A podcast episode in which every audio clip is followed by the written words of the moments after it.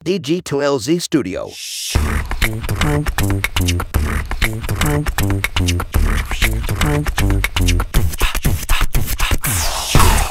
Iya, selamat pagi, siang, sore, atau kapan pun waktu yang teman-teman pakai untuk mendengarkan podcast ini. Kembali lagi bersama saya Panji di podcast Ngobrol Bisnis. Dan kali ini sudah bersama saya adalah Mas Aris Surya Mas. Wis, halo Mas. Halo. dan mensayangkan saham masyarakat. Jadi kita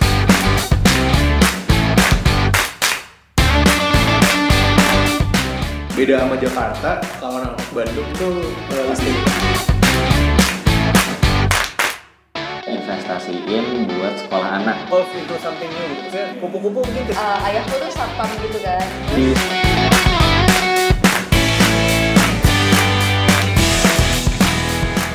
Aku tahu Mas Aris ini mungkin sebagai eh, background awal ya atau intro awal ya. Aku tahu Mas Aris ini gara-gara aku ikut eh, kelasnya dari eh, Bank Syariah Indonesia gitu, talenta wirausaha dan Mas Aris ini memperkenalkan dirinya sebagai apa entrepreneur eh apa eh, residence residence at Apple Developer Academy gitu ya.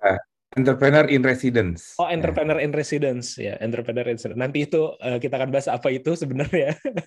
Tapi aku tertarik sama profilnya dan eh, eh, tumben aku nggak expect ya di acara BSI tadinya kan kebanyakan UMKM, terus juga mungkin lebih kuat ke syariahnya, tapi kontennya waktu itu lebih ngebahas ke product development gitu. Yang mana eh, sebenarnya oh ini aku eh, aku jadi aku udah agak tahu sedikit lah tentang itu cuman jadinya belajar eh, lebih lagi gitu. Jadinya aku buka profil LinkedIn-nya. Pas aku cek-cek oh ternyata kita satu alma mater terus ada beberapa bisnis yang mungkin setipe lah gitu. Salah satunya adalah coworking gitu. Makanya pas kemarin aku eh, dapat nomornya loh ternyata kita satu grup di, di coworking Indonesia. Jadinya world ya. Iya small world juga gitu. Eh, jadi mungkin sebagai awalan eh, Mas Aris eh, boleh memperkenalkan diri dulu ke audiensku. Eh, kebanyakan sih yang dengerin di podcast nih range usianya eh, ceruk terbesar adalah 24 sampai 30-an pertengahan lah gitu ya. Eh, jadi milenial akhir eh eh, milenial eh, tengah ke akhir lah. Eh, ceruk kedua tuh yang muda-muda lah 18 sampai 23 kayak gitu. Monggo Mas, silakan. Oke, thank you nih. Kayak karena menyesuaikan dengan audiensnya nih yang milenial, jadi gue pakai gua lu aja nih kayak Oke, oke. Oke, jadi thank you banget nih Panji udah di-invite ke podcastnya. Jadi perkenalkan gue Aris. Eh, eh, apa? Mungkin kalau ngomong pengalaman, eh, majority dari pengalaman gue emang ada di tech industry, terutama di area startup ya, tech startup. Cuman eh, lately kayak lima tahun ke belakang itu agak sedikit banting setir itu ke arah education jadi jadi jadi gue mencoba untuk melihat peranan education di ekosistem startup itu. Yang gue rasa itu relevan banget untuk industri kita di Indonesia karena udah makin mature ya lima tahun ke belakang. Dan itu memang supporting sistemnya itu mulai ada. Udah mulai muncul bermunculan kayak case study dan lain-lain gitu. Di situlah akhirnya gue mutusin untuk fokus ke education. Nah, di situ salah satunya yang lagi gue pegang saat ini memang Apple Developer Academy. Jadi, ini adalah program dari Apple yang bantu para developer-developer baru ya, untuk mereka jump into teknologi eh, ekosistem. Hmm. Dalam konteks ini berarti app ya, atau kita nyebutnya biasanya app ekonomi nih. Hmm. Nah, eh, long story short, itu tuh sekarang udah eh, Apple Developer Academy itu jalan tahun kelima sebenarnya. Hmm. Nah, itu eh, Apple itu melihat, jadi keluaran dari Apple Academy ini nggak cuma bisa contribute ke industri, tapi juga bisa contribute ke eh, tadi ke startup gitu. Jadi app-nya itu yang yang dibikin itu bisa bisa launching as a product. Makanya bikinlah program eh, lanjutan yang kita sebut Catalyst. Nah, di situlah akhirnya gue berperan sebagai entrepreneur in residence. Jadi basically itu adalah mentor sih sebenarnya kita kalau mau gampang nyebutnya. Cuman mentor yang memang nggak cuma sekedar di sana advice, nggak cuma sekedar advice, tapi benar-benar immerse gitu, bareng sama para founder, para developer itu untuk ikut da- dari journey-nya dia gitu. Mulai dari, jadi sebagai entrepreneur in resident biasanya tuh kita bisa berperan sebagai manajer yang bantuin nge-track progress, milestone, bisa jadi tempat curhat, jadi kayak Mhm. tempat coaching ya, jadi kayak kita bantu kita sebagai coach buat timnya, bisa juga sebagai coworker in need, jadi kayak kita bantu mereka untuk eh, kadang-kadang kita ikutan bareng gitu, kita bikin apa eh, planning bareng, bikin plan bareng sampai sometimes memang eh, kebetulan karena background gue engineer, jadi Mhm. kadang-kadang kalau memang ada yang technical, ya kita ngoding bareng gitu. Jadi memang seru Oh. banget sih. Itu kira-kira. menarik, menarik, menarik. Eh, iya ya, Eh, nanti kita kita akan bahas juga journey-nya. Tapi mungkin mulai dari yang terakhir dulu ya, yang dari Apple Developer Academy karena aku aku aku tertarik juga. Aku sebenarnya atau gue ya, jadi ngomongnya jadi aku. Kayaknya lebih milenial gua nih ya kayaknya. Enggak, karena eh, belakangan ini banyak interview cewek, jadi ngomongnya aku. Oh, benar benar benar. jadi gue eh gue juga beberapa waktu ke belakang gitu ya mungkin juga terlibat di bidang apa apa ya edukasi eh, entrepreneur lah atau edukasi startup gitu Eh, jadi mentor di beberapa misalnya kampus Merdeka ataupun juga program-program dari SBM gitu kan suka bikin Hmm. apa Greater Hub apa segala macam terus Greater juga Hub ya. Hmm. Mm, apa mm, eh ada beberapa lah kayak gitu Eh, cuman memang lebih fokus ke eh, bisnis gitu jadi aku ngasih mindset gua aja gua ngasih mindsetnya eh eh, mindset bisnis lah ke situ gitu eh, ke teman-teman gitu Eh, mem- dan memang eh, kebanyakan mentor as a mentor aja gitu ya yang eh, yang gue lihat ya yang gue lakukan juga gitu. Kita ngasih advice eh, tidak terjun langsung seperti manage bahkan misalnya milestone atau bahkan in a way tadi coding bareng atau solving problem real problem bareng gitu. Jadi pengen tahu lebih dalam sih berarti output yang diharapkan kalau dari Apple Developer Academy ini hmm, sebenarnya apakah eh, apakah nanti Apple ini akan apa ya ibaratnya ada take eh, intake saham di mereka sehingga sampai sebegitu sebegitu jadi kalau kalau gue lihat kan kalau di luar memang banyak yang kayak modelnya kayak startup studio gitu ya ibaratnya jadi ya. kayak di oke gue founder yang cuma punya ide bisnis Eh, oke lo masuk ke sini bayar service atau gue take away si startup studio ini bay- dibayar atau eh, ambil saham ke ide tersebut lalu nanti ada tim engineer-nya yang ada di dalam dan nanti jadi satu bisnis eh, ya mereka eh, in a way dapat duit dari jasa eh, servisnya atau dari sahamnya yang mereka miliki. Tapi kalau Apple apakah begitu atau bagaimana tuh? Mas Nah, ini uniknya uniknya tuh enggak. Jadi uniknya tuh Hmm. eh, Apple itu menjel- eh, Apple Developer Academy ini memang murni untuk bangun ekosistem sebenarnya. Hmm. Ya, kita nggak bisa pungkiri lah kalau misalnya ngomongin market, memang hmm, dominan marketnya memang bukan di eh, Apple kan. Ya. Nah, di situlah dia mau meng-create untuk paling tidak local kontennya itu eh, tetap rich gitu, tetap sama banyaknya. Banyak app yang diproduce dari Indonesia gitu. Nah, jadi dia pertama ngejar memang tadi ekosistemnya tadi kebangun melalui community pasti nomor satu. Terus nomor dua itu adalah eh, ini adalah learning program sebenarnya. Jadi impact utamanya itu bukan dari outputnya kayak tadi app-nya, tapi justru dari proses. eh, tambahan knowledge ya atau gap yang terisi dari knowledge dari para foundernya gitu. Nah, akhirnya bentuknya memang kayak scholarship. Jadi kalau memang eh, apa teman-teman bisa lihat ya, mungkin Panji juga bisa lihat, itu memang Apple punya banyak eh, inisiatif yang fokus banget ke education. Kayak sekarang nih kita lagi nggak di Apple kan di Worldwide lagi ngadain namanya WWDC. Itu Worldwide Developer Conference. Itu juga konferensi yang dibikin memang untuk para developer join dan itu mereka banyak membagikan scholarship gratis gitu. Nah, ini juga sama di Apple Developer itu kita memberikan scholarship gratis tadi dan bahkan malah disupport ya karena kan eh, supaya bisa develop something di ekosistem Apple mereka butuh device dan lain-lain gitu. Semua intellectual property dan apa namanya knowledge yang diberikan yaitu for free tetap milik dari foundersnya gitu. Hmm. Itu memang nanti eh, kita akan track progresnya itu tetap kita akan track impact yang diberikan sama para developer sama para founders ini.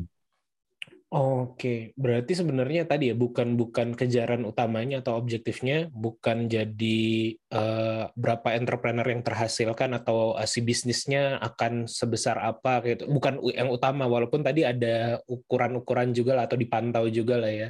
Betul.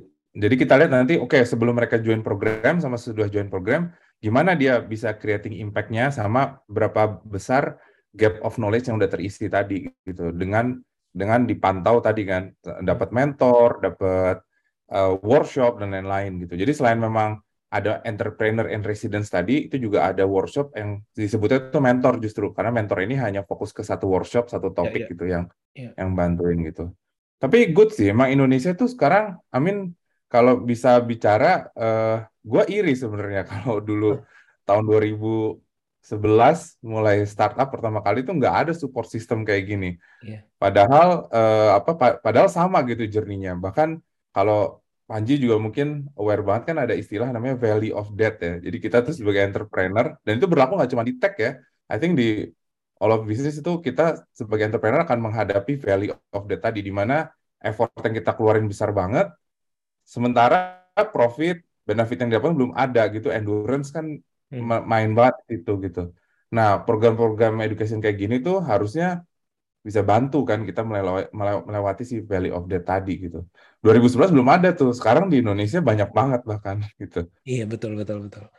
Iya, eh, nanti kita akan balik lagi ke Apple eh, Developer Academy-nya. Cuman eh, karena tadi udah disinggung mulai bisnis ataupun terjun ke dunia tech itu dari lulus eh dari 2011 ya berarti ya. Eh, mungkin boleh diceritain juga tuh. Kalau aku eh, kalau gue lihat kan background-nya adalah eh, teknik industri. Kita sebenarnya satu fakultas bahkan gitu. Gue tuh FT. Oke, deket lah. dekat dekat Eh, kalau kalkulus masih sekelas lah apa Iya. PPB masih sekelas gitu Eh, dan ada beberapa mata kuliah yang gue ambil ke teknik industri tuh kayak MRI ya kayak Iya. manajemen biasa industri itu ngambil ke TI. Terus apa ya lupa yang ada beberapa gitu. Eh, waktu lulus eh, S1 pada zaman itu 2003 mungkin lulus 2000 2000 berapa Kang? Gue jadi manggilnya Kang nih. 2007, 2007. Oh, Oke, uh, uh, tepat waktu berarti 2007 itu uh, langsung memutuskan untuk bisnis atau sempat uh, kerja dulu atau sekolah lagi? Enggak. Jadi kalau TI kan istilahnya tuh ada istilahnya tuh kayak jurusan banci tuh. Kita kayak kenal kita tahu banyak apa namanya topik tapi cetek-cetek biasanya gitu. Nah waktu itu memang gue memutusin untuk fokus ke engine ke ke, ke IT ya. Jadi ke ke software engineering waktu itu. Jadi lulus eh, sempat join dulu ke eh, ke perusahaan as a, as a consultant waktu itu. Tapi consultant tuh dalam hal engineering consultant lah waktu itu. Hmm. Join sebagai profesional tuh hampir eh, almost tiga tahun sih waktu itu. Baru habis itu lanjutin ke master. Waktu master udah fokus ke engineering memang. Baru pulang eh, pulang dari master itulah gue fokus ke eh, developing startup waktu itu. Oh, oh berarti uh, 2011 tadi itu ya kurang lebih ya karena tiga 2011 tahun sekolah dua tahun ya berarti ya. Ya, Oke, I see. Oh, jadi inget nih, gue gue ada uh, sorry, lo himpunan apa enggak di TI-nya? Himpunan himpunan Oh, MTI. himpunan. Ya. gue jadi inget gue ada teman anak 2002 namanya Gema. Gema Oh, kenal dong. Gema Kenal ada ya? banget. 2002 Gema eh cuma ada satu Gema, ya. Uh, Gema Kenal. Narapati lah dia terkenal Iya, dulu. iya. Ya, ada, ada. Uh, bener gak ini gue konfirmasi karena karena sering-sering jadi bahan obrolan kita sebagai jokes gitu ya bahwa dia tuh bikin eh buat angkatan dia apa buat bawahnya berarti ya? Lupa eh. Kayak buat angkatan dia deh. Terus tapi tapi itu berlanjut ke bawahnya. Bahwa dia pernah bikin jaket alma maternya eh apa sih namanya? Jaket himpunan ya? Jaket Iya. himpunannya TI berubah warna. Iya iya iya. Pernah karena dia pernah. buta warna. Jadi iya. hitam Jaket kita apalagi tuh ini apa eh, abu atau apa ya? warna, iya warnanya tuh nyaru antara abu-abu sama biru muda. Jadi ada satu angkatan Eh, yang jaketnya tuh beda sendiri. eh, Nah, itu tuh yang itu jadi satu angkatan itu beda sendiri. Jadi kita udah tahu banget tuh kalau itu tuh jaket angkatan 2002 gitu. Nah, itu karena, karena itu warnanya tuh abu-abu sendiri padahal harusnya tuh biru muda. Iya, iya. Iya berarti bener ya, So- soalnya dia buta warna ngakunya gitu. Iya, iya, iya. ya jadi Ya. jadi ini jadi out of ini, kok. jadi out of apa namanya. Oke oke lanjut tuh ya. Berarti mulai mulai 2011 itu Eh, bikin apa tuh, Kang? Waktu itu kita memang eh, ini ya namanya gue masih muda ya masih cari jati diri juga. Jadi Hmm. waktu itu kita basically simple waktu itu kita ngeliat di di luar itu terutama di US sama di gue kebetulan di Australia jadi di Australia itu lagi ada satu tren yang namanya itu group buying. Jadi kalau mungkin Hmm. eh, Panji atau teman-teman lain masih ingat tuh namanya Groupon dulu terkenal banget. Ya. Groupon. Jadi di mana lu bisa dapat diskon gede tapi belinya tuh barengan. Dan kalau lu nggak belinya barengan, nggak tercapai satu angka kuota tertentu, Hmm. itu diskon tuh nggak nggak berlaku gitu. Diskon itu bisa gede-gedean banget ya. Jadi kayak 80%, 90%, tapi harus 100 orang yang beli gitu. Nah, itu tuh bisa di-enabler eh, tipe diskon kayak gitu karena pakai teknologi internet waktu itu, pakai website gitu. Nah, ya udahlah kita pokoknya gampang. Kita copycat aja gitu. Pokoknya pakai metode ATM. Jadi kita lihat apa yang lagi di sana, kita bawa ke Indonesia sini, terus kita coba aplikasiin dengan beberapa adjustment ke market Indonesia. Jadilah waktu itu satu produk yang kita sebut itu Faladu waktu itu.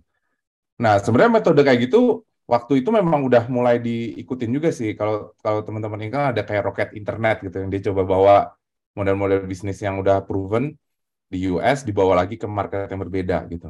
Nah, cuman memang ada side effect-nya. Side effect-nya adalah entry barrier yang rendah. Jadi siapa pun tuh bisa ngelakuin hal yang sama. Jadi waktu itu memang persaingan ketat banget sih. Hmm. Jadi persaingan ketat banget.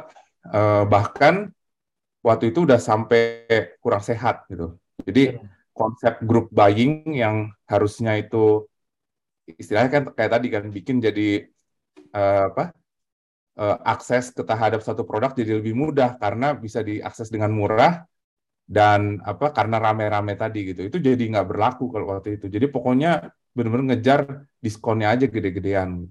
Hmm. nah di situlah persaingan ketat eh, mulai mulai banyak yang tumbang waktu itu. Gue inget banget waktu kita bawa model itu daily sosial tuh sampai bikin listnya gitu. Berapakah berapa startup yang memang copycat gitu. Itu listnya sampai 25 Hmm. Gak ada 25 startup yang exactly ngikutin kayak gitu. Terus dari sosial memang di situ lucunya memang bilang, kita lihat nih siapa yang akan tumbang, siapa yang akan mulai itu. Nah, waktu itu mulai tumbangnya adalah pada saat Groupon-nya, jadi yang dari US itu, datang langsung ke Indonesia. Dia mau meng-acquire gitu. Nah, pada saat meng-acquire itu kan ya otomatis dia akan lihat nih mana yang paling perform gitu. Dipilihlah waktu itu, eh, apa, ah, namanya tuh Disdus waktu itu. Disdus di-acquire sama Groupon. Begitu di-acquire, udah otomatis yang lainnya kalah. Waktu Hmm. itu kita punya pilihan eh, eh, antara kita tutup atau kita pivot. Nah, waktu itu kita milih untuk kita pivot.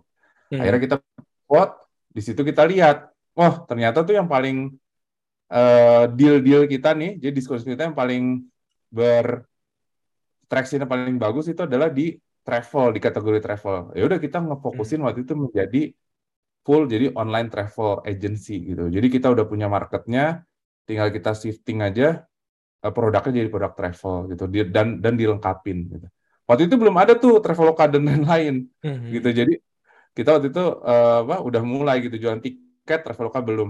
Bahkan waktu itu waktu kita pivot kita bakal ngobrol langsung sama Natali. Kalau Hmm. tahu Natali Hardianto kan tahu. ngobrol sama Natali. Natali belum kepikiran bikin tiket waktu itu kayaknya.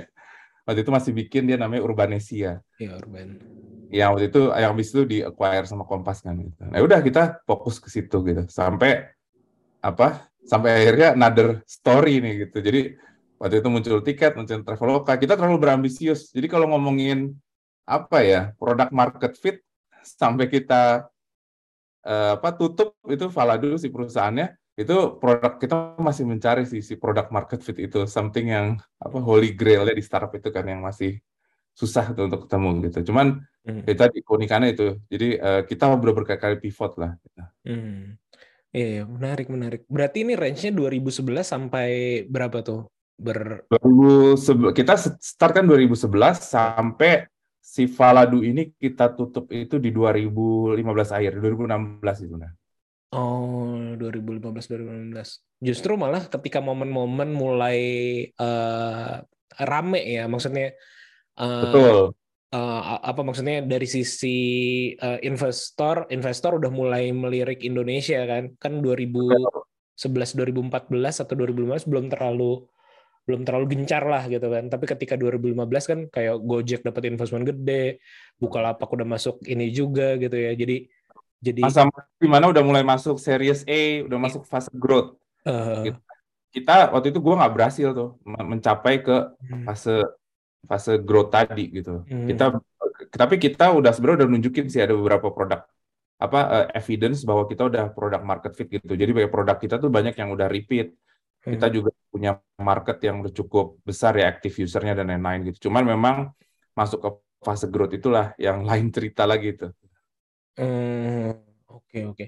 Eh, tapi kalau eh, ini mungkin agak nyambung sama sebagai eh, edukator ya atau tadi ya udah mulai bergerak banyak di bidang edukasi startup. Kan kalau yang kita ketahui bersama misalnya kalau dalam fase ya tadi misalnya ada eh, ada product market fit gitu. Cuman kan sebelumnya misalnya eh, problem solution terus juga ya terutama di problem solution ya. Eh, apakah tadi kan cerita oke kita awalnya mah ATM nih. Hmm. Pada waktu itu apakah eh, sekedar ATM aja atau memang eh, gue udah paham nih ternyata ada problem eh, orang pengen nyari barang murah. Eh, fase itu secara natural eh, apa ya? eh, secara secara natural dijalani aja atau sebelumnya udah punya knowledge bahwa oh iya gue harus tahu nih problemnya apa lalu gue gue coba solving lalu setelah itu eh, kita validasi kita eksperimental gitu kita nge- mengeluarkan produk-produk eh, sesuai dengan iterasi kalau zaman sekarang kan pasti ketika Hmm. lagi eh, mengajar ya atau ketika lagi ini eh, defaultnya seperti itu nah ketika lagi dulu menjalankan apakah sudah begitu atau masih Kalau ya kalau menurut gue sebenarnya eh, metode ATM tuh masih valid ya. Maksud maksud gue kayak eh, bukan berarti itu metode yang salah itu approach yang menurut gue tuh masih bisa tetap di, bisa dilakuin gitu. Karena tadi ada fase modification tadi kan. Hmm. Jadi pada saat kita di memodify tadi, di situ kita memulai memulai iterasi tadi. Jadi eh, mungkin kita eva- kita validasi solutionnya lagi, Hmm. terus kita datang dengan solution konsep yang baru, dan habis itu kita apply kan. Jadi kita bikin jadi solusi yang eh, apa namanya solusi yang sesuai dengan marketnya gitu. Hmm. Nah jadi definitely sebenarnya bisa banget untuk itu dipakai. Ada tetap ada iterasinya. Nah, cuman yang perlu diperhatikan adalah eh, ininya apa namanya proses validasinya gitu. Karena biasanya yang miss itu di di validasinya gitu. Ada beberapa yang kita istilahnya apa? ya, Jump to solution. Karena, karena kan kalau kalau misalnya product development yang benar kan di fase ideation itu kan kita punya fase empati kan. Kita ngosongin gelas kita, kita benar-benar ngelihat user kita butuhnya apa, terus dari situlah kita baru uh, rumusin solutionnya. Sedangkan kalau ATM tadi kan pada saat kita datang ke user, kita sebenarnya udah punya solusinya, Iya. sesuatu yang kita bawa tadi. Nah itu yang kadang-kadang tuh para founders itu ngeblur pada saat validasi gitu. Entah itu bisa jadi ke bawah ego ya. gitu. Ha-ha, terus habis itu pengen buru-buru atau ya seked- eh, proses research-nya itu nggak nggak nggak valid gitu.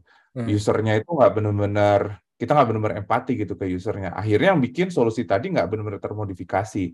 Ada banyak hal yang sebenarnya nggak cocok untuk market kita Hmm. itu eh, langsung diimplement aja gitu. Nah itu sebenarnya kita cepat sih untuk menganalisa itu. Salah satu adalah eh, kenapa kita pikir itu cocok buat market Indonesia karena di Indonesia kan UKM-nya po- powerful tuh. Jadi kita punya banyak UKM, kita punya banyak brand lokal. Waktu itu masih sedikit, walaupun masih sedikit tapi ada lah gitu. Nah kita pikir tuh cocok buat brand lokal. Bayangin deh kalau misalnya Hmm. ada satu brand lokal gitu, apalagi di Bandung ya, ada satu distro gitu. Hmm. Terus di distronya ini pengen dapet, pengen apa ya, pengen and pengen masuk ke market kan.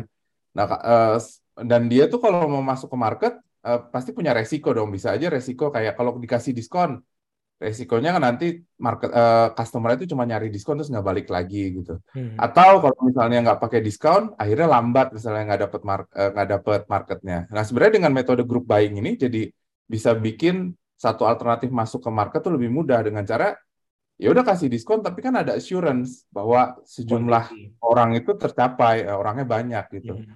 Nah nanti terus habis itu dengan jumlah orang banyak tadi juga pasti bisa diatur gitu loh retentionnya kayak gimana. Retention tuh jadi kayak eh, berapa orang yang balik nanti setelah dia kasih diskon tadi.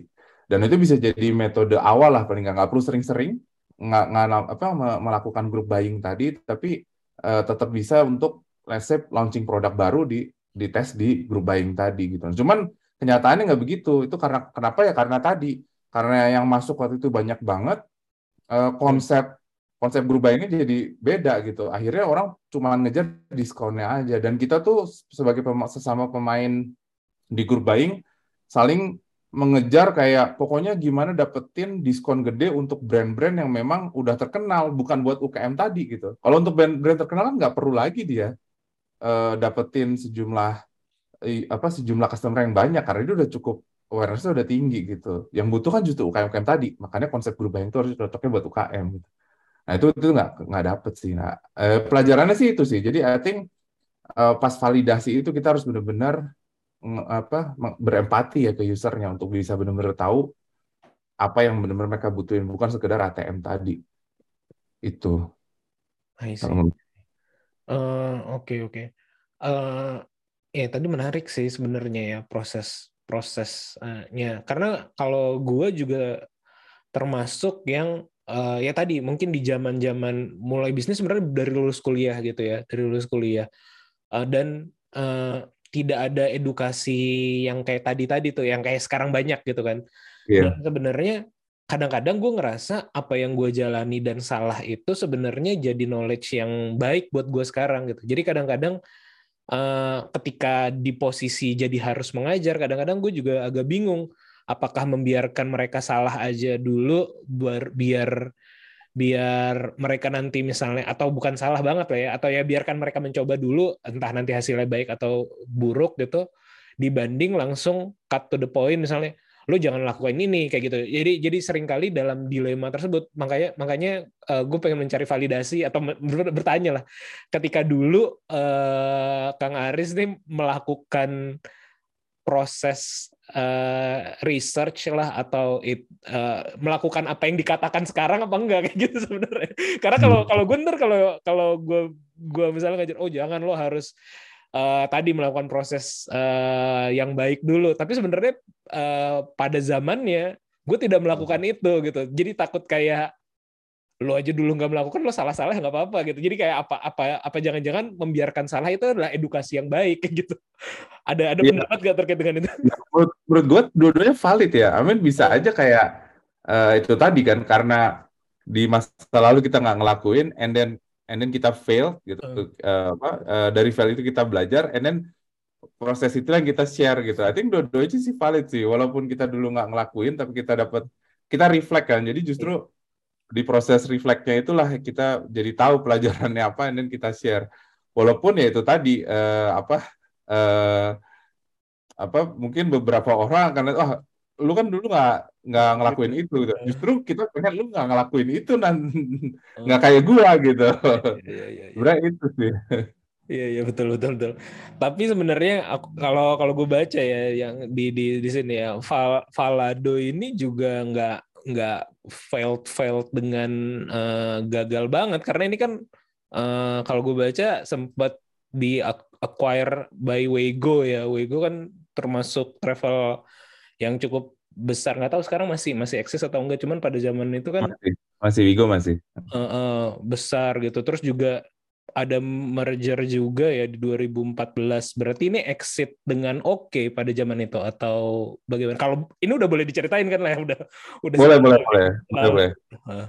Iya, dalam perjalanan memang eh, apa kita sempat sih, kita sempat di acquire sama Wigo. Hah. Eh, waktu itu eh, not apa ukurannya cukup besar sih di di zamannya lah. Tapi kalau di sekarang mah kecil banget gitu. Karena sekarang kalau kita lihat kan kayak preseed aja bisa sampai million dollar kan. preseed aja udah sampai apa eh, hampir kayak ada yang 6 6 sampai 8 juta million dollar tuh udah hitungannya masih seed gitu. Nah, eh, kalau dulu dulu jauh banget gitu. Nah, tapi dulu ya kita hitungannya zaman dulu tuh lumayan besar sih. Kita sempat waktu itu di acquire sama Wigo eh, karena memang kita ngelihat market eh, market traveling market, market travel tuh waktu itu butuh di educate eh, effortnya cukup besar gitu. Jadi kayak belum kayak sekarang ya kalau ya itu kan yang merevolusioner itu kan si tiket sama Traveloka sebenarnya. Hmm. Nah, cuman waktu itu orang memang belum gitu terbiasa bayar eh, beli tiket secara online dan eh, dilakukan itu self service kan. Dulu kan pasti lewat travel agent. Iya. Nah, itu kita sebenarnya masih operate like like a travel agent. Terus tapi lewat online gitu, lewat e-commerce gitu. Nah, di situlah terus habis itu kita di acquire sama Wigo untuk mengekspand sebenarnya coverage kita. Terus along the way eh, ternyata berubah kan marketnya. Satu waktu itu marketnya belum siap sebenarnya kalau untuk apa namanya eh, secara komplit ya, lu end to end perjalanan tuh belinya online gitu. Waktu itu tuh belum siap gitu. Eh, di situ yang, ya di sini yang menurut gue tuh again another failure, another my failure itu adalah kita nggak bisa eh, open up lah ya. Kita nggak bisa open up eh, bahwa menerima bahwa marketnya belum siap gitu. Kita waktu itu nge- ngerasa bahwa marketnya itu udah siap kok gitu. Mungkin ini pelajaran berikutnya adalah MVP. Jadi Hmm. kalau misalnya Panji ingat kan kalau misalnya ada banyak tuh di di apa anekdotnya kalau lu bikin MVP MVP kan bukan berarti kayak kalau lo end produk lu mau bikin mobil Iya. and then, and then lu bikin MVP lu adalah sebuah sasis dan empat roda gitu. Tanpa atap tanpa apa kan bukan gitu. Sebenarnya konsep MVP itu kan harusnya kalau memang lu mau bikin mobil and then ya lu start mungkin dengan bikin bajai dulu kali gitu misalnya. Eh, yang rodanya baru tiga segala macam tapi udah ada atapnya udah ada apanya and then orang bisa ngerasain gitu. Kita juga sama. Kita waktu itu pengen mengubah experience orang pada saat planning travel sampai dia perjalanan travelnya gitu. Tapi kita langsung radikal gitu. Kita langsung bikin bayangin lu bi- booking end to end travel tapi semua online termasuk dalam ada akomodasi meals dan lain-lain. Padahal waktu itu yang ada di kepala customer kan mungkin kayak wah gimana nih? Gue kan harus nyesuaiin ini apakah halal atau enggak makanannya. Mhm. and eh, apa namanya eh, transportnya nanti gimana gitu. Hotelnya mau ganti-ganti gitu. Itu kita wrap up dalam satu paket waktu itu. Customernya belum siap. Pasti orang butuh ketemu orang ketemu apa konsultan ngobrol nanyain satu persatu Hmm. akhirnya nggak scalable nggak scalable dalam arti kita butuh banyak sekali apa eh, operator customernya nggak bisa self service dan paket yang kita bikin itu selalu aja di, harus di customize Hmm. itulah akhirnya begitu nggak scalable kita nggak bisa tumbuh waktu itu jadi investment yang kita dapatkan pun juga nggak work out gitu nah Hmm. di situlah akhirnya kita my second pivotnya gitu. Second pivotnya itu dengan cara kita mau coba tambahkan yang namanya unsur sosial tadi. Makanya akhirnya kita merger dengan satu travel waktu itu eh, yang memang dia kuat banget unsur sosialnya. Eh, apa namanya itu Burufly waktu itu. Kita Hmm. merger dengan dengan harapan produknya bisa eh, produknya Burufly dan produknya Valado bisa dikombine menjadi satu produk yang lebih apa lebih market fit tadi. Karena asumsinya kan tadi kan orang ngebooking travel tadi itu butuh eh, unsur human di dalamnya. Kita tambahin lah unsur sosial tadi. Waktu itu kalau nggak salah lagi zaman banget juga open trip. Open trip itu jadi Hmm. yang satu orang yang dia mengorganize buat teman-teman lainnya. Jadi kita perginya tuh as a group gitu. Hmm. Nah, tapi waktu itu memang udah sadarnya kita udah lama sih. Jadi waktu itu kita nggak dapet eh, runway-nya nggak cukup, sehingga even kayak produknya belum jadi, kita udah harus tutup dulu. gitu. Hmm, I see. Eh, kalau boleh tahu berarti ketika ini acquire itu eh, by Wigo itu berarti masih identitasnya masih Vala apa tadi Valado ya? Masih Valado ya. hmm. Oh jadi bukan acquire jadi eh, eh, Wigo Indonesia atau apa kayak gitu ya Mas? Lebih berarti- tepatnya jadi semacam kayak bisnis unitnya. Jadi kayak e-commerce eh, e-commerce bisnis unitnya dari Wigo. Karena Wigo tuh core bisnisnya dia meta search. Jadi kayak Hmm. eh, lu bisa nyari and then nyari tiket pesawat gitu, tapi lu belinya bukan di Wigo gitu. Nanti Iya, iya. Wigo hanya melisting siapa aja sih yang menjual tiket pesawat dari satu satu apa kota ke kota lain gitu, for example. Iya iya iya iya. Eh, dan juga makanya eh, berarti waktu itu masih day to day opera, opera- jadi opera- operasional juga ya manajemen manajemen di sananya gitu ya. Dan juga ketika lagi mer- merger itu ada apakah gue belum pernah soalnya ya maksudnya da- sampai dalam posisi merge gitu antara dua company. Eh, apakah lo juga jadi join di board yang baru atau seperti apa tuh mekanismenya? Iya, jadi kalau di merger itu eh, nanti otomatis boardnya jadi satu kan. Waktu itu memang satu hal yang kita juga tidak sadarin. Hmm. Itu juga jadi lesson learn juga di mana merger sebuah dua perusahaan tadi ya, merger dua perusahaan itu bukan bukan semata-mata merger sebuah produk, tapi kita nge-merge culture Hmm. eh, dan orang-orang semua di dalamnya kan. Nah, di situ aja tuh udah banyak eh, konflik sebenarnya Hmm. yang harus ditanganin gitu. Termasuk kayak tadi Panji bilang kayak nentuin nanti siapa yang akan jadi megang role CEO, CTO dan lain-lain gitu. Nah, itu aja butuh waktu gitu. Hmm. Nah, waktu itulah yang akhirnya boro-boro kita mikirin produknya akhirnya karena untuk mikirin organisasinya aja udah eh, apa ngabisin waktu yang cukup signifikan gitu. Hmm. Akhirnya pada saat kita harusnya ngerunning produknya, ya our runway itu udah habis gitu. Akhirnya kita mutusin waktu itu untuk exit.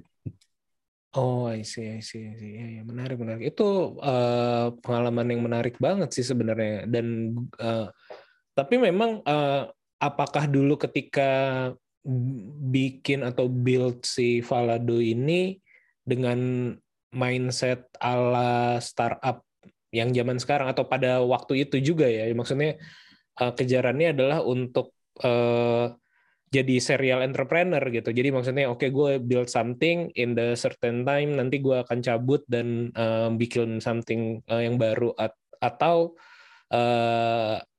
itu sudah dalam pikiran atau atau ketika baru memulai ya ini jadi ya lihat nanti baru baru nanti kita lihat seperti apa kayak gitu. Kumaha engke gitu kalau orang-orang Sunda gitu. Iya. Ada plan gitu. Waktu itu kita memang mikirnya tuh Valado tuh our baby ya. Jadi kayak uh, Hmm. founder yang benar-benar idealis lah waktu itu pemikirannya. Kita di mana bikin ini produk kita, this is our baby, kita nurture.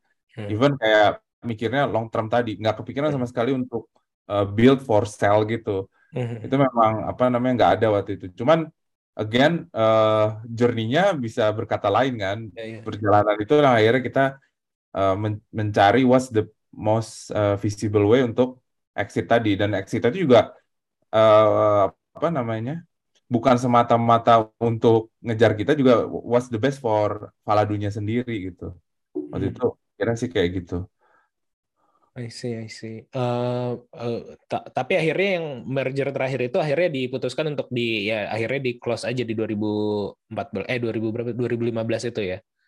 iya betul jadi memang uh, merger itu telat sih jadi kalau kalau misalnya bisa turn back time Hmm. itu kita telat sih untuk respon to change-nya tadi jadi kayak harusnya tuh kalau memang eh, apa eh, harusnya kita tuh eh, iterasinya harusnya bisa lebih cepat gitu. Kita ngevalidate terus cepet dapetin bahwa ini failed terus kita harus bounce back dengan cara salah satunya tadi misalnya merger ya.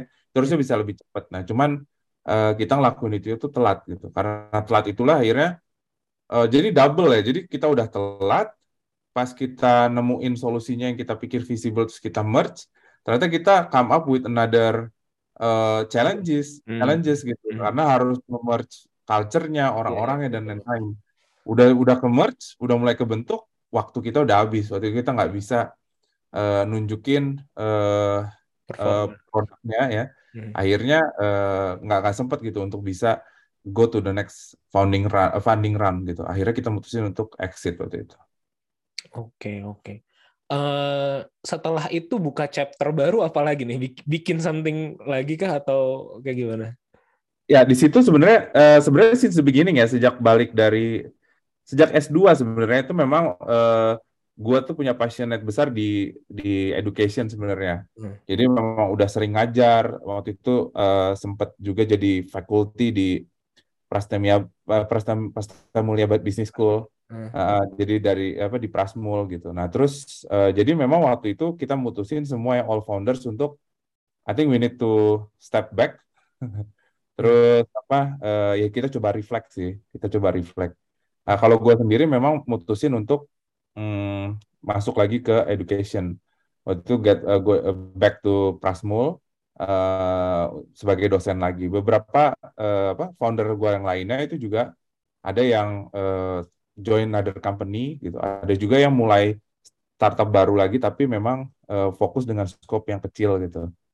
Oh, oh oke. Gue gue gue tarik mundur dulu karena tadi lupa eh, nanya ya. Kalau di eh, Valado itu ini rata-rata first time founder atau Nah, first time founder. Jadi Hmm. first time founder baru pada eh, apa dua di antaranya kita tiga founder ya Hmm. Eh, dua di antaranya baru beres S2 terus dan semua dengan ambisi yang gede banget dan ego yang gede Hmm. banget juga jadi kebayang itu Eh, take away-nya apa tuh kalau bisa ngelihat eh, dari dari eh, first time founder terus lulusan oke masih mending S2 lah gitu.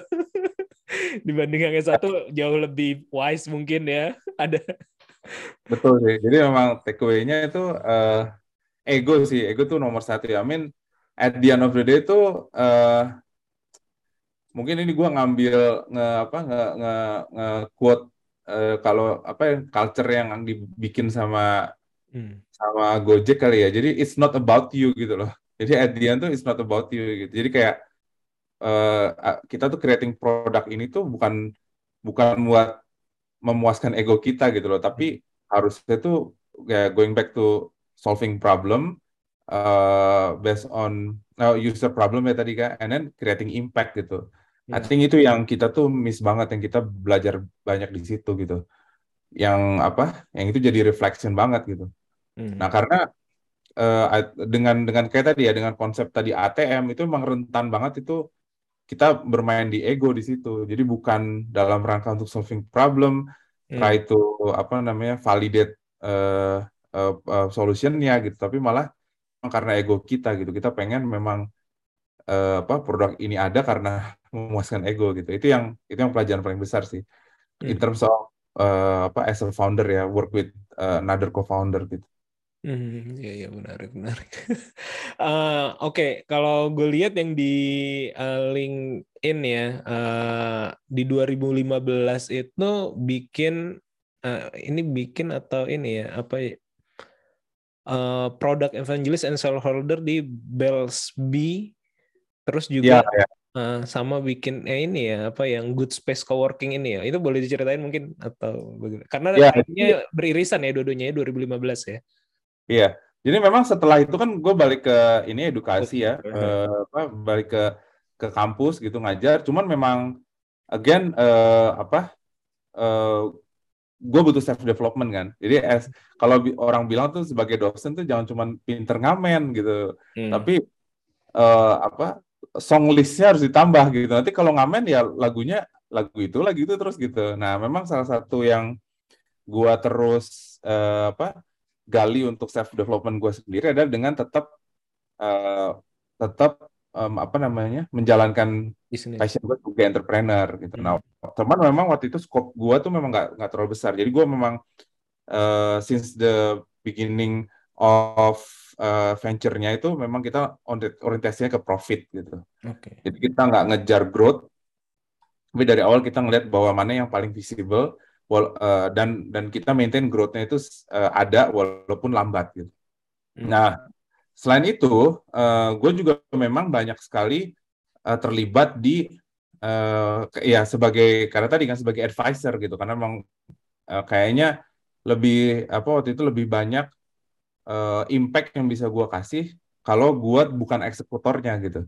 I think gue gue bisa bantu in terms of apa ad- advisor pengalaman-pengalaman sebelumnya termasuk eh, apa namanya best practice gitu yang yang bisa eh, dirumusin bareng instead of sebagai eksekutornya. Nah di situlah akhirnya banyak tuh ketemu beberapa founder-founder keren yang memang eh, gue akhirnya ngebantu di sana. Fokusnya itu lebih kebanyakan memang di produk waktu itu. Hmm. Nah, salah satunya memang adalah eh, Belsby sama lokal brand Asia. Belsby itu kalau eh, apa Panji dan teman-teman tahu tuh Belsby itu em, mi- eh, apa mirip dengan model rent rent runway ya di di US di mana mereka tuh menyewakan designer item yang relatif itu biasanya mahal tapi dia sewain dengan eh, harga yang lebih affordable. Jadi apa user-user yang memang dia aware banget ke fashion, dia bisa dapetin itemnya dengan cara yang lebih murah. Gitu. Kalau lokal brand Asia itu sebenarnya ini omni channel. Jadi eh, eh, waktu itu memang one of pionirnya sih. Waktu itu belum ada beberapa pemain yang main di omni channel. Waktu itu lokal brand Asia udah masuk ke omni channel. Mereka bikin supaya yang namanya inventory management dan eh, order management termasuk customer ya customer management itu bisa mudah dengan berbagai macam channel yang ada saat ini termasuk di marketplace. Eh, Belsby ini eh, foundernya Indonesia atau Foundernya Indonesia semua. Jadi memang oh sejak itu gue memang fokus banget ke ekosistem startup di Indonesia. Kebetulan memang di kampus Prasmul itu kan juga fokusnya memang ke entrepreneur ya. hmm. Eh, jadi eh, mostly startup-startup yang gua work with eh, sama apa bantu untuk advice itu semua di Indonesia. Oh iya, enggak soalnya eh, pas tadi dengar penjelasannya kayak eh, ada teman yang pernah kerja di startup eh, seperti itu, tapi kalau nggak salah foundernya tuh orang Eropa atau orang mana gitu. eh, Ada, jadi memang eh, setelah BSB di Indonesia launching, juga kalau nggak salah tapi. betul. Jadi setelah BSB launching itu ada beberapa startup dari luar yang yang Hmm. sama ya modelnya itu salah Iya. satunya adalah Style Theory gitu. Itu juga masuk ke Indonesia memang. Oh iya iya iya. Soalnya dia ah, ya dia engineer, dia developer sih eh, di Jakarta tapi memang ah, mirip gitu tadi. Oh apa tapi tapi gue ingetnya dia tuh foundernya orang orang Italia apa dan memang orang apa ya orang fashion gitu Eh, orang-orang eh, ya inilah orang-orang seni kayak gitu-gitu ya orang-orang fashion gitu. Cuman lupa namanya. Oh kayak gitu ya Bel Belsby eh lalu eh, berarti itu advantage jadi dosen juga ya sebenarnya. Kalau kalau gue gue lihat ya maksudnya eh, bisa jadi ini adalah mahasiswa dulunya gitu kan. Atau misalnya ketika lo di kelas ngajar gitu eh, mereka bikin bisnis something yang kayaknya eh, lo secara personal tertarik gitu untuk join lebih atau untuk membantu lebih gitu kan Eh ini s- berapa banyak yang akhirnya jadi join seperti ini? Ya, ya, ya. Jadi kalau dibilang, ya kalau dibilang advantage itu ka- sekarang gini, kalau dosen kan as, as you know kan memang ada yang namanya satu ada tridharma per- perguruan tinggi kan, yang di mana satunya memang pengabdian masyarakat. Jadi memang apa give back lah to community. Jadi memang gue happy banget sih ngelakuin itu. Jadi karena di proses itu gue juga belajar sebenarnya. Karena to be honest, founder-founder Indonesia nih makin sini tuh makin keren gitu, makin Hmm. mereka makin apa namanya eh, karena mungkin didukung banyak hal lagi ya infrastruktur lah Hmm. eh, tapi support sistemnya gitu ekosistemnya juga makin matang jadi mereka bisa eh, punya solusi-solusi yang keren dan situ gue juga banyak belajar sih way of thinking dan lain-lain gitu Hmm. Eh, jadi nomor satu eh, yes definitely advantage Eh, tapi bukan advantage dalam hal yang tadi itu nggak nggak semuanya itu memang eh, langsung ke eh, ke material gitu loh. Jadi ada banyak yang gue memang eh, offer for free gitu. Jadi memang ad- advice advice for free tadi gitu. Nah, eh, ada juga beberapa yang akhirnya gue chip in atau join ke eh, startupnya itu as a shareholder gitu. Hmm. Dan dan itu I think itu apa ya namanya juga eh, sebagai advisor ya. I think sebagai advisor juga butuh portfolio kan. Iya. Jadi I think it's really good untuk build portfolio juga at the same time juga give impact gitu ke ke community gitu. Hmm. Nah, jadi I think it's mutually beneficial sih both for eh, apa gue sebagai advisornya maupun para para foundernya tadi gitu. Iya betul betul betul. Dan lagi-lagi maksudnya ekosistemnya udah enak banget gitu. Kalau dulu zaman zaman dulu kita mulai kan memang belum mencari mentor aja eh, sulit gitu, mencari apa segala macam gitu, mencari source of knowledge gitu. Mungkin di Amerika udah maju, tapi di sini siapa yang bawa metodologi kayak gitu masih masih masih sulit kan. Jadi ya eh, saling ya sa- kebersalingan lah tadi. Ya. Dan kita butuh kan, I mean uh, at the end kalau ko- ekosistemnya berkembang, nanti semua orang yang ada di dalam ekosistem itu harusnya dapat benefitnya juga. Oh iya iya betul betul. Eh, dan tadi ada salah satu poin yang menarik juga yang gue gue tangkep ya eh, bahwa eh, ketika memulai something yang baru ini lo sudah me- eh, mencoba eh, mencari eh, bisnis yang profitable gitu atau yang memang eh, revenue-nya jelas lah bukan mengejar yang growth lagi. Eh, eh, eh, apakah itu salah satu lesson learned dari yang sebelumnya juga atau memang ah ya udahlah karena gue sekarang juga udah mulai eh, apa ngedosen nyari yang firm dan up dan sekarang kan lagi rame banget ya masalah yang uh, startup yang tipikal uh, mencari bisnis model atau mencari growth dulu gitu. Sementara fondasinya belum kuat kayak gitu. Waktu itu yang melandasi apa tuh? Hmm, hal tersebut. Uh, ya benar sih. Jadi nomor satu memang founder itu punya bisa punya ini ya bisa punya pendekatan yang bisa beda tadi uh, tapi walaupun pada akhirnya tuh bisa jadi itu berunjung yang sama gitu. Misalnya contoh kayak tadi, kita mau fokus dulu ke profitable lah di depan gitu.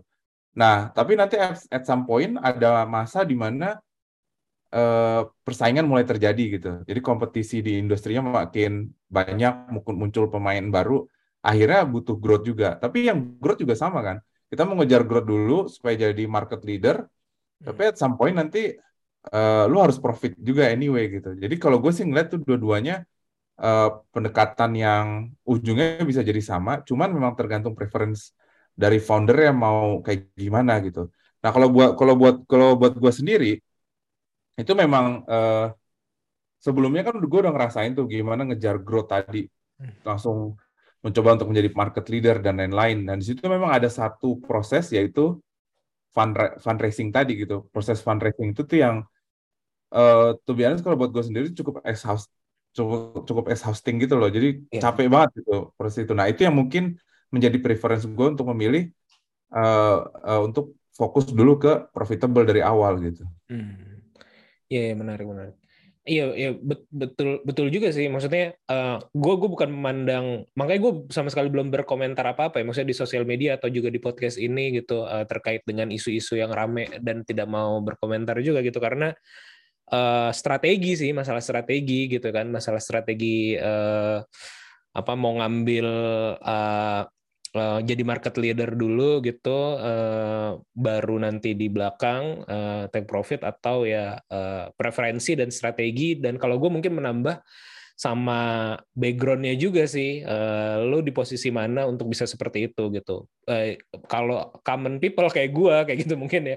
Ya yang rasional adalah yang bisa mendatangkan keuntungan di hari pertama kalau bisa kayak gitu kan. Sehingga bisnisnya bisa berputar dan mengambil uh, apa mengembangkan bisnis berdasarkan profit yang kita ambil dari uh, uh, apa uh, uh, profit yang kita ambil lah dari situ gitu uh, rasional gitu. Uh, mungkin bagi teman-teman yang memiliki network yang lebih oke okay, atau juga background dengan uh, uh, advantage lebih oke, okay, kampusnya oke okay, gitu kan biasanya itu parameter-parameter yang uh, intangible ya kayak gitu.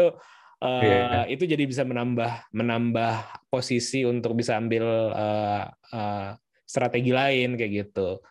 Uh, kalau menurut menurut gue sih seperti itu dan ya, ya makanya belum belum berkomentar juga terhadap itu yang ramein dan dan ini juga banyak teman-teman juga soalnya jadinya nggak enak kalau mau komen. ya itu kayak cuma peliknya kayak makan bubur mau diaduk atau iya.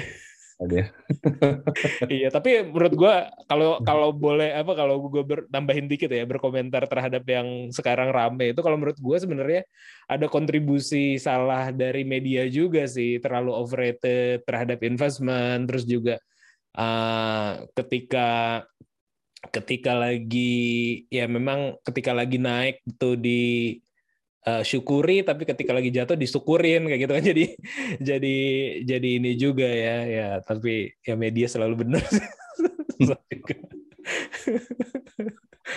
Uh, oke okay, lanjut lagi dikit ya. Uh, uh, good space co-working space. Nah ini kita mulai mungkin hampir di waktu yang bersamaan nih ya Uh, gue yeah. bikin ruang reka itu Desember 2014 lah kalau nggak salah. Iya betul Desember 2014 ya roughly Januari lah baru mulai operasional kayak gitu ya baru mulai ada yang datang kayak gitu-gitu.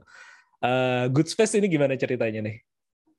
Iya kalau Good Space itu uniknya dia organik. Jadi organik itu as in awalnya kita memang nggak nggak apa namanya nggak berniat untuk membuka uh, coworking. Jadi waktu itu kita beberapa startup yang memang uh, gua advice dan mereka itu memang relatif kan masih kecil ya termasuk BLSB kita waktu itu lagi nyari office space waktu itu dan kebetulan memang uh, market dan timnya itu kebanyakan ada di Tangerang Selatan akhirnya kita ngelihat ya udah kita coba aja uh, apa uh, cari satu tempat yang memang jadi center kita dapatlah kita uh, pas secara budget dan lain-lain. Cuma ternyata tempat itu tuh besar banget. Nah, karena besar itulah akhirnya kita berpikir untuk eh, gimana ya kita bisa utilize. Waktu itu memang gu- eh, co-working itu budaya co-working itu lagi naik-naiknya ya. Iya. Eh, ya waktu itu karena apa? Termasuk ya WeWork dan Iya. lain-lain tuh yang kita tahu apa filmnya nih baru keluar kan. Iya. Eh seperti apa WeCrash itu loh. We- Iya, waktu itu budaya yang bawa dibawa sama WeWork tuh memang ke- kental banget kan apa bu- budaya budaya co-working tadi. Nah, di situ kita ngelihat, oh kalau gitu kita manfaatin utilisasinya dengan cara kita sewain. Jadi sebagian tuh kita pakai, tapi sebagian lain tuh kita sewain sekaligus kita build the community. Karena kita waktu itu ngelihat memang kalau eh, co-working itu core-nya itu ada di community itu. Toh sekarang kita ada apa eh, waktu itu ada tiga startup sih. Ada tiga startup udah ada satu satu atap nih. Why not kita buka untuk beberapa eh, teman-teman lain yang mungkin mau join gitu. Ya udahlah kita build waktu itu. Nah, sampai akhirnya eh, si startup yang yang gua advice itu malah makin gede kan. Mereka akhirnya udah punya kantor sendiri gitu. Hmm. Nah, di situ si Good Space ini malah terus eh, ngembangin gitu. Khususnya waktu itu untuk Tangerang Selatan sih, karena memang di Tangerang Selatan belum ada. Gitu. Hmm. Dan secara lokasi kita kan karena fokusnya itu community, Hmm. secara lokasi juga waktu itu pas karena waktu itu dekat banget dengan komunitas eh, teman-teman mahasiswa yang memang baru baru mau memulai gitu loh, baru mau mulai eh, ke startup gitu. Mhm. Eh, eh, apakah ini juga, apakah profit juga jadi landasan mengembangkan si good space ini atau tadi eh, karena ya ada unused space yang nggak di hand, yang nggak di cover sama tiga startup yang udah di advice eh, jadi arah untuk ini jadi akan jadi unit bisnis yang menguntungkan atau Pasti, jadi waktu itu kita ngelihat eh, satu kan memang utilisasi tadi kan, karena eh, eh, apa karena apa eh, karena tidak dipakai tadi, walaupun sebenarnya eh, bukan berarti kita nggak bisa cover cost Iya, iya. eh, awalnya gitu. Sebenarnya biaya sewanya sebenarnya masuk gitu, tapi kita ngelihat bahwa ini malah bisa mendatangkan profit lebih besar lagi. Iya. Jadi waktu itu kita kita apa namanya kita arahin ke sana gitu. Terus ternyata komunitinya ke build kan. Begitu komunitinya ada, word of mouth-nya jalan. Hmm. Plus memang itu tadi itu memang eh, komunitasnya tuh butuh space ya, Hmm. butuh ruang untuk eh, saling untuk beraktivitas gitu. Nah di situlah akhirnya yang kita lihat tuh sebagai product market fit gitu. Hmm, I see, I see. Oke, eh, long story short, pandemi. Eh, apa yang terjadi dengan coworking space bisnis ini?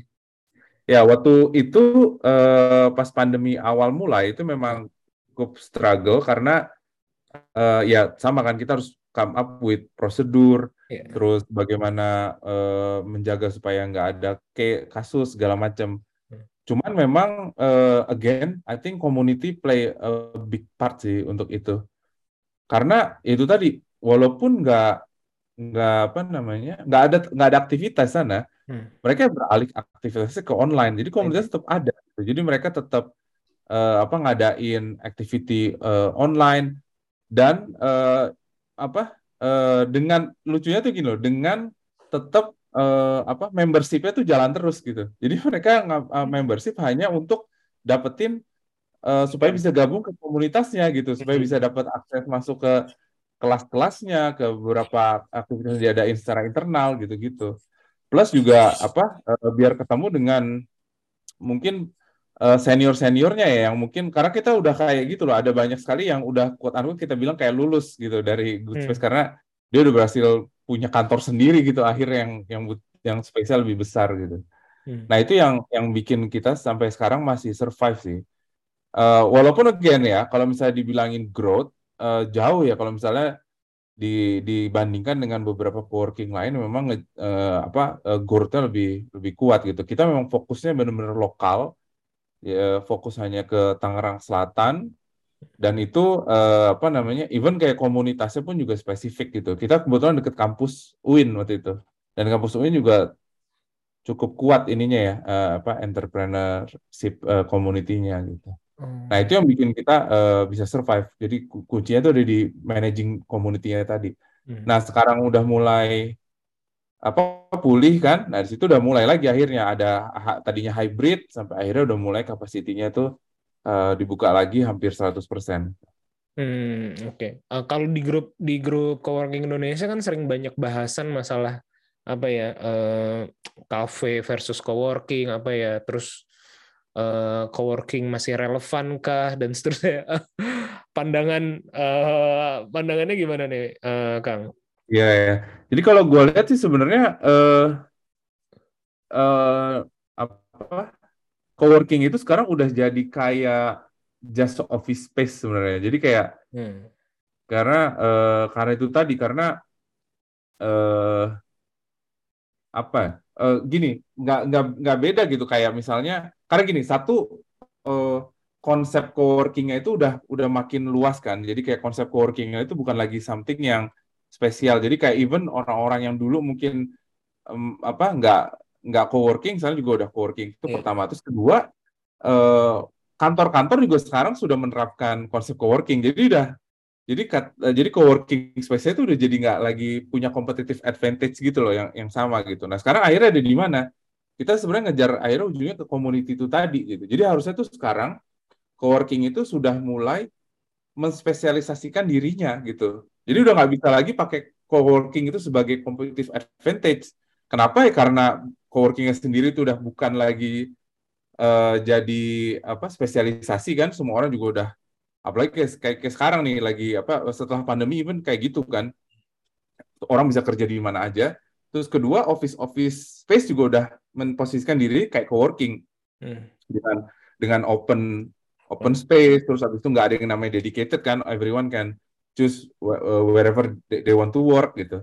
Nah akhirnya gimana? Nah kok, kok, spesialisasinya itulah yang yang penting gitu. Misal contoh akhirnya kan ada banyak coworking yang sekarang jadi kayak maker space jadi kayak mereka fokus ke eh, kayak industri gitu. Jadi mereka fokus banget ke eh, bant- di sana ada alat-alat yang bisa bantu kita developing produk kita gitu kreatif produk gitu. Ada yang fokusnya lagi ke eh, mahasiswa banget gitu misalnya. Hmm. Ada yang lagi fokusnya ke ke mana gitu. Itu menurut gue sih harusnya udah mulai ke sana ya. Kayak mencari spesialisasi eh, ke mana gitu. Nggak bisa lagi yang umum. Kalau yang umum nanti kayak tadi Panji bilang mungkin jadinya iya apa bedanya dengan kafe dan lain-lain gitu. I think ada lagi nih misalnya kayak coworking fokusnya ke eh, women entrepreneur ke moms gitu jadi di dalamnya mungkin ada Daycare. daycare-nya gitu-gitu. Nah, I think harusnya udah mulai mikir ke sana ke spesialisasi tertentu yang bisa jadi competitive advantage. Iya iya iya betul betul betul iya sih betul jadi lebih lebih banyak memang yang kena itu ya tadi ya memang hanya sebagai office space aja alternatif ya yang lebih Iya. murah mungkin Nah, yang yang bahaya ya adalah yang stay seperti itu ya. Harusnya ngasih konten ya bukan cuma space-nya tapi kontennya. Apa Betul. gitu yang bisa bisa jadi nih ya, betul. Itu jadi pelajaran juga buat saya karena kalau saya sendiri juga termasuk yang eh, buruk sih dua tahun ini kayak gitu ya. Paling ya hanya bertahan dari beberapa service yang kita pegang lah pada sampai sekarang gitu.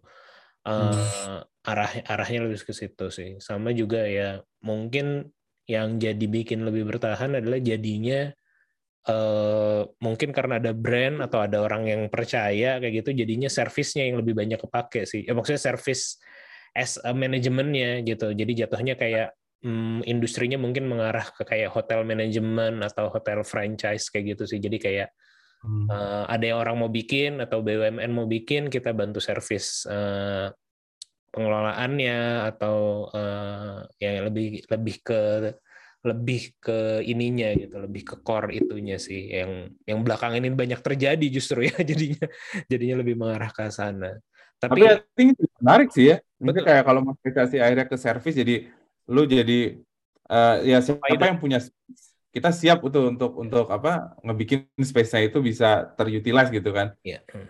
I think itu menarik juga sih. Iya betul. Dan kayaknya belum terlalu banyak sih. Mungkin nanti kita bisa kerjasama ya. Apa Eh, yang lagi on progress sekarang lagi dengan Brin ya. Brin mereka mau bikin space eh, kita bantu support ininya eh, apa namanya ya tadi konten terus pengelolaan Hmm. startingnya gitu. Jadi eh, jadi coworking as a service. Terminologinya belum ada sih itu ngarang aja. Ya gitu-gitu dong. kenapa? Sorry Berarti tim lu ada arsiteknya, ada eh, apa interior design gitu-gitu juga. Iya, eh, lepasan sih sekarang ini, cuman ya eh, masih ya kita bawa satu bendera. Ada juga ada juga partner yang memang eh, udah lama bisnis di kafe, hotel, kos-kosan kayak gitu. Eh, tuker-tukeran lah, dia punya coworking, kita ngisi kontennya. Kalau kita punya eh, eh, apa namanya kerjaan kayak gini, dia bantu desain dan lain-lain kayak gitu. Jadi partneran aja sih eh, yang kayak gitu-gitu. Itu Menarik. Heeh, itu mungkin nanti kita bisa partneran juga tuh Kang kalau misalnya kalau area-areanya situ karena banyak karena kita juga ya tadi enggak banyak inquiry kayak gitu kan sekarang ya tadi banyak raksasa raksasa atau ya tadi ya pemerintah atau apa wacananya mau kayak gitu-gitu eh, kontak-kontak mereka belum tahu ininya aja gitu belum tahu caranya Untuk caranya gimana sih kayak ngebangun ininya gitu kan, Oh. ngebangun budaya coworkingnya, open space-nya gitu gitu. iya Nah, betul betul I think nice sih, ya. Hmm, Iya iya iya. Nah, eh, eh, kalau gue lihat kayaknya sebenarnya daripada yang eh, lo tampilin di LinkedIn atau apa masih banyak lagi ya sebenarnya yang di advice dan mungkin juga ada kepemilikan di sana gitu dan kita nggak bisa bahas satu-satu gitu. Jadi gue pengen balik lagi ke eh, Apple Developer Academy-nya nih. Eh, Apple Developer Academy-nya tadi oke eh, udah berjalan eh, berapa tadi ya dari tahun. udah lima tahun. Lo sendiri joinnya udah dari eh, Eh, gue join sebenarnya dari eh, udah join kayak hampir mungkin empat tahunan ya. Cuman di tengah-tengah itulah yang eh, role-nya berubah-berubah lah. oke. Eh, itu berarti ada targetan kah misalnya eh, maksudnya tiap tahunnya ada berapa yang didapat scholarship di sana, terus juga eh, atau berapa startup. Ini metodenya personal berarti atau atau per tim. Jadi Apple Developer Academy-nya itu kan ada tadi gue cerita ada dua program ya. Jadi program pertama kita sebut tuh tahun pertama lah, first year program. Yang pro- yang first year program ini itu memang uh, apply as individual. Jadi uh, apply-nya individu dan nanti lu akan belajar bagaimana sih mendevelop sebuah app dari sisi uh, tech, bisnis sama desain. Hmm. Nah, kemudian ada lagi yang program second year yang tahun keduanya. Kalau tahun keduanya ini apply as a team. Hmm. Nah, apply as a team eh, yang fokusnya itulah tadi eh, memberikan lu pengalaman secara imersif bagaimana sih mende- me- melaunching produk ke market dan supaya bisa sustainable di market gitu. Gitu. Apakah yang ikut eh, second year harus lulus first year dulu itu? Betul. Jadi yang lulus yang yang ikut second year itu memang harus lulus dari first year dulu gitu. Walaupun nggak semua graduate dari first year bisa join langsung ke second year karena ada proses seleksinya lagi. Oh, berarti bisa jadi setelah di atau pada fase first year tersebut mereka saling kenal dan bikin satu tim gitu. Justru itu yang diharapin ya. Betul. Oh, Betul, iya. Jadi mereka pas pada saat join yang first year, mereka akan belajar dulu kan as individual. Nanti di eh, empat bulan terakhir itu mereka akan eh, work as a team Hmm. untuk build eh, satu istilahnya lo final challenge-nya lah. Jadi kayak final challenge atau final app mereka tuh kayak apa. Nah itu yang me- mereka yang akhirnya biasanya dibawa ke eh, second year gitu. Ada juga beberapa yang nggak nggak join second year, terus dia bawa dan dia kembangin sendiri itu juga ada gitu. Oh, iya iya sih. ini eh, gimana nih kalau orang mau daftar nih? Apakah eh, apa di websitenya atau Ah. gimana kita ngeliat open batch atau apa gitu? Jadi eh, Apple Developer Academy di Indonesia tuh kita punya tiga site. Jadi tiga tiga hub sebenarnya. Jadi hub yang pertama tuh ada di Jakarta, yang kedua itu ada di Surabaya, yang ketiga itu ada di Batam. Jadi memang fokusnya itu pengen bisa me- me- mengcover eh, nationwide lah. Jadi walaupun saat ini yang teman-teman di Indonesia Timur ya baru diwakilkannya di Surabaya sih. Nah, kalau Jakarta ya as a center, terus eh, kita mengcover Jawa dan dan teman-teman yang ada di Barat, Sumatera dan lain-lain itu bisa di eh, Batam sebenarnya. Gitu. Nah, itu bisa cek dari mana? Sebenarnya bisa bisa ini sih, bisa googling sih. Bebas mau daftar yang ke mana nih. Teman-teman bisa cek mana yang paling pas buat mereka. Kalau yang teman-teman di Jakarta pasti daftar yang di Jakarta. Kalau yang di eh, Surabaya, Indonesia Timur bisa di Surabaya. Nah, di setiap site itu Apple tuh bekerja sama sama satu institusi biasanya. Nah, kalau di Jakarta kerjasamanya dengan BINUS, yang di Surabaya tuh kerjasama dengan Universitas Ciputra, sedangkan kalau yang di Batam itu kita kerjasama sama Infinite Studio. Infinite Studio itu kalau teman-teman tahu yang bikin Crazy Rich Asian. Hmm. Infinite Studio. Makanya tadi tuh sebenarnya pengen nanya, kok eh, ada sih beberapa startup misalnya startup tech yang cukup oke gitu dari Batam gitu yang aku eh, yang gue kenal ya. Tapi eh, pemilihannya apakah karena dekat Singapura atau segala macam? Ternyata partnernya itu ya Infinite Studio memang ada di Batam ya sebenarnya. Betul. Oh, I see, I see, I see. Eh, berarti itu spesifik hanya untuk kalau yang di Jakarta dan Surabaya hanya spesifik untuk mahasiswa BINUS dan Ciputra atau umum? Enggak. Jadi bisa buat umum. Oh, Jadi di bisa buat semua site tadi bebas buat umum. Hmm, Jadi nggak harus mahasiswa gitu. hmm. Jadi eh, siapa pun bisa ikut ya. Eh, kita punya pernah punya partisipan yang eh, umurnya udah 50 tahun Wow. sampai juga kita punya partisipan yang baru lulus SMA. Oh, wow. Eh, berarti eh, ini setiap tahun open sepanjang tahun atau ada batch-batchnya gitu? Ada base-base-nya. Jadi set- eh, setahun tuh kita cuman intake-nya satu kali. Oh, Eh, cuman intake-nya satu kali eh, setiap akademi ya biasanya biasanya tuh berbarengan. Kita eh, apa? eh, biasanya udah mulai intake nih di sekarang-sekarang nih kayak batch 2. Batch 2, batch satunya udah selesai intake-nya kemarin. Batch 2-nya itu deadline-nya Agustus ini.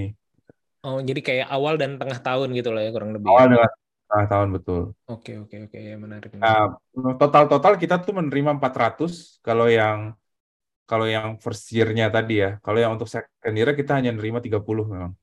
Oh, jauh banget ya apa Betul banget. eh, ya seleksinya ya. Eh, berarti itu 400 tersebut itu nanti mereka akan kayak full time belajar atau kayak seminggu berapa jam gitu Memang, komitmennya? Kalau yang first year itu memang eh, semi full time gitu nyebutnya karena setiap hari akan ada materi walaupun itu hanya setengah hari hitungnya. Jadi nanti tuh bisa milih mau ikut di sesi pagi atau sesi siang. Jadi tetap bisa sambil nga- ngantor gitu atau sambil kuliah gitu. Cuman memang ada komitmen paling enggak tadi lah setengah hari itu. Oh, berarti beneran kayak kuliah ini ya sebenarnya ya. Waktu Betul. secara ini. Betul. Untuk yang first year-nya ya, untuk yang first year begitu. Kalau yang second year-nya, kita uh, nggak ada daily activity, tapi lebih ke arah weekly activity. Eh, Nah, di weekly activity itu memang ada workshopnya, biasanya workshopnya di Sabtu, ya. Jadi jadi lebih lebih lebih ke arah buat kayak eksekutif program lah kalau itu. Jadi ada hari Sabtu sama sisanya memang after office. Misalnya tadi untuk ketemu dengan entrepreneur in residence itu umumnya after office hour. Oh, I see, I see, I see. Ya menarik, menarik, menarik. Mudah-mudahan dari yang dengerin ini ya, ada yang tertarik juga ya. Batch-nya bentar lagi buka ya bulan Agustus ya. Betul. Jadi silakan aja langsung tuh dicari, di googling aja. Eh, nanti bisa dipilih mau ikut yang di Jakarta, Surabaya atau Batam. Oke, oke, oke. Ya, eh, sama pasti dapat tadi tuh ya tadi ya, dapat dapat produk Apple ya. Pastinya itu, perksnya itulah, perksnya itu ada. Cuma kan memang itu untuk dalam rangka supaya bisa itu ngembangin produknya di Apple gitu. Betul, Jadi betul. Itu itu penilaian komitmennya bagaimana tuh? Apakah orang misalnya, oh gue mau komit deh, tapi ternyata pas di jalan nggak komit gitu. ya nanti pasti akan ada seleksinya. Jadi di Ah. seleksi itu nanti pasti ketahuan lah. Jadi ada harus harus ngasih tahu kan motivasinya kayak gimana. Terus habis itu kita akan ada interview juga. Eh, dan kita benar-benar mencoba untuk mendalami gitu. Umum kalau kita lihat sih so far udah jalan lima tahun memang eh, teman-teman yang ikut ini memang benar-benar passionate sih, yang memang dia tuh pengen banget eh, solve problem ya, baik itu problem yang skopnya kecil gitu, yang memang problem yang dia rasain sendiri sampai yang memang skopnya bisa besar banget gitu. Iya, ya, siapa tahu hanya sekedar ngejar perks-nya aja tadi kan. Ya, ya, ada pasti ya, cuman ya nanti pasti akan tereliminar tereliminasi sendiri sih during the program karena karena eh, itu tadi kebanyakan dari activity-nya itu tim tim activity. Iya, iya, iya. iya. Jadi walaupun eh, proses belajarnya bisa individual, Eh, tapi eh, kita tuh menerapkan namanya challenge framework. eh. Jadi instead of lu cuman belajar doang dapet teori, Hmm. lu tuh sebelum belajar memang harus netapin dulu what challenge that you want to solve Hmm. with this kind of technology gitu. Nah, baru lu nanti lu pelajarin kan. Oke, gue punya challenge kayak gini. Untuk nge-tackle ini, gue butuh teknologi ini. Gue belajarlah teknologi itu gitu. Nah, usually itu as a team gitu. Hmm. Jadi nanti biasanya tereliminasi sendiri tuh. Pertama kalau nggak punya challenge, akhirnya dia bingung kan mau belajar apa. Hmm. Terus habis itu eh, nggak nggak ada temen nih yang yang yang apa yang mau gabung gitu. Hmm. Akhirnya lambat laun nanti pasti akan tereliminasi gitu. Iya, iya, iya, iya, oke, oke. Oke deh, paling itu aja kan ngobrol-ngobrol kita nih ngalor ngidul ya. Eh, thank you atas waktunya. Mungkin terakhir ada ada hal yang pengen lo sampein belum sempat gue tanya atau eh, menurut lo urgent atau penting untuk disampaikan gitu ke teman-teman yang dengerin. Eh, ya, I think itu sih apa eh karena ini konteksnya bisnis, jadi memang mungkin gue mau lempar ini aja reflection question aja kali ya. Jadi kayak at the end kalau memang kita mau ngejalanin nge-scaling bisnisnya itu memang eh tadi it's not about you. Jadi ada beberapa pertanyaan yang biasa selalu gue tanyain kayak kapan sih lu terakhir kali itu ngerubah pikiran lu berdasarkan feedback orang lain gitu. Kalau misalnya udah jarang, jangan-jangan lu udah jarang dengerin orang gitu. Jadi lu udah kemakan ego sendiri. Terus kapan terakhir lu belajar tentang diri lu sendiri tapi dari orang lain gitu, dari feedback orang lain gitu. Terus kapan terakhir kali lu eh, ngerasa eh, reluctant tuh untuk untuk delegate ya. Jadi kayak untuk kayak reluctant untuk berubah, reluctant untuk kayak delegate tuh maksudnya kayak eh, apa? eh, share atau apa nge-share pekerjaan ke orang lain. I think itu something yang eh, selalu gue tanyain supaya ngingetin lagi ke gue kayak jangan-jangan eh, apa itu tadi gitu lu udah kemakan ego sendiri yang akhirnya bikin eh, lupa gitu solve sama problem yang mau di why-nya itu apa gitu nggak nggak kejawab. I think itu sih.